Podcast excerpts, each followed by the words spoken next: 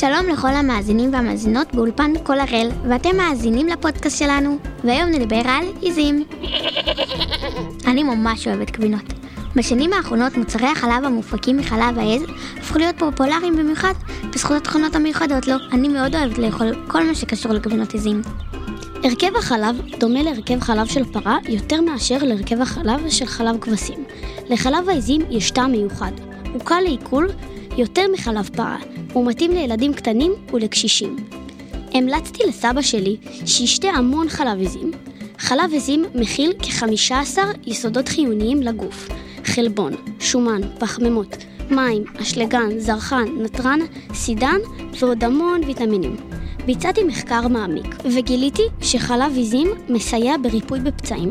גיליתי גם שהחלבון שבחלב העיזים מספק לגוף האדם את החומצות הדרושות לו, בצורה הטובה ביותר והמאוזנת ביותר. חלב עיזים נוח לעיכול, משום שהגבן שלו מכיל פתיתים קטנים יותר משאר סוגי החלב. חלב העיזים מתעכל בגוף תוך 20 דקות. שיעור הנתרן הגבוה בחלב העז מרגיע את הקיבה, ושיעור הפלואור הגבוה מחזק את השיניים. הסידן מסייע בבניית עצמות הגוף. חומצות השומן מסייעות בהפחתת רמת הכולסטרול בדם. אני חייבת לספר לכם שגבינות מחלב צאן היו מאז ומעולם חלק בלתי נפרד מהמטבח הים תיכוני.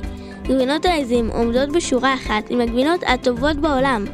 לגבינות הצאן יתרונות וגם חסרונות.